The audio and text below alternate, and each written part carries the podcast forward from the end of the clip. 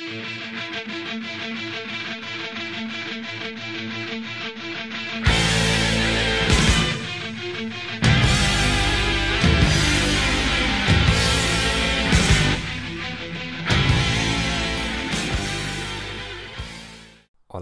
e bem-vindos, bem-vindas ao nosso podcast A Psicologia da Aprendizagem de Línguas Estrangeiras, o único podcast do mundo em 21 idiomas com acento alemão.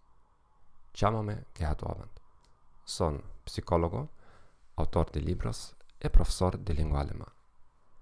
Este podcast ajudará a melhorar as tuas habilidades linguísticas, não importa se és um principiante ou um profissional. Non sono experto en galego. Por suposto, já o entendiches. Tenha paciencia comigo, pero prometo que me irá melhor con cada novo episodio. Se descubriu este podcast agora mesmo, comproba primeiro os últimos episodios. A calidade será moito mellor que nos primeiros. O tema do episodio de hoxe é este. A mentalidade fixa na aprendizagem de idiomas. Espero que não te perdiste o nosso último episódio. Porque esta é uma estúpida pergunta. Quanto tempo tardou em aprender uma língua estrangeira? Podes atopar todos os episódios de podcast no nosso arquivo.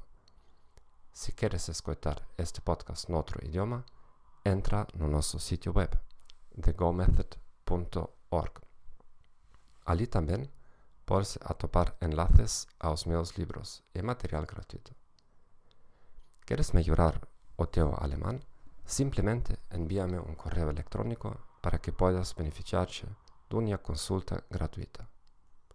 Estou seguro de que posso ajudar. Comecemos. A mentalidade fixa na aprendizagem de idiomas.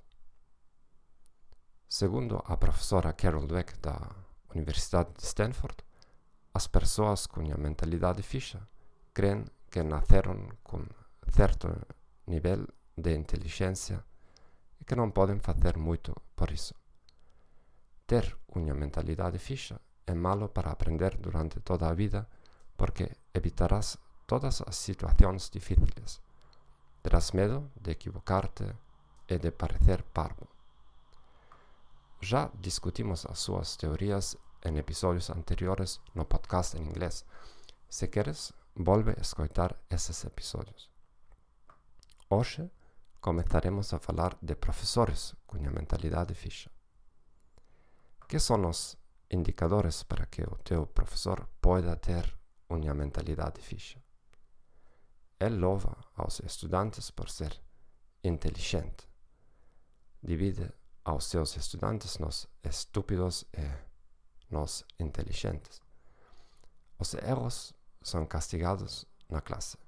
A mensagem implícita do professor é: se cometes erros ao princípio, nunca poderás falar correctamente.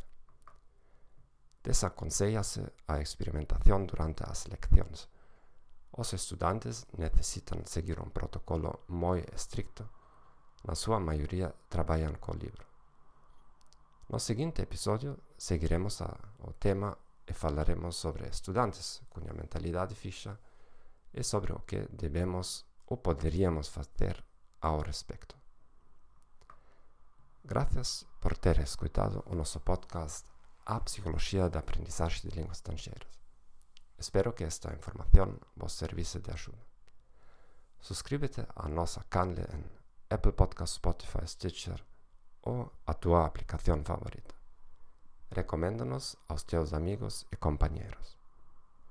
Como prometi antes, falarei melhor nos próximos episódios.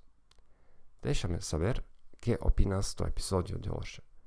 Basta escrever-me um correio eletrônico, dime que perguntas tens para poder respondê-las num dos próximos episódios. Desejo-vos um bom dia e adeus.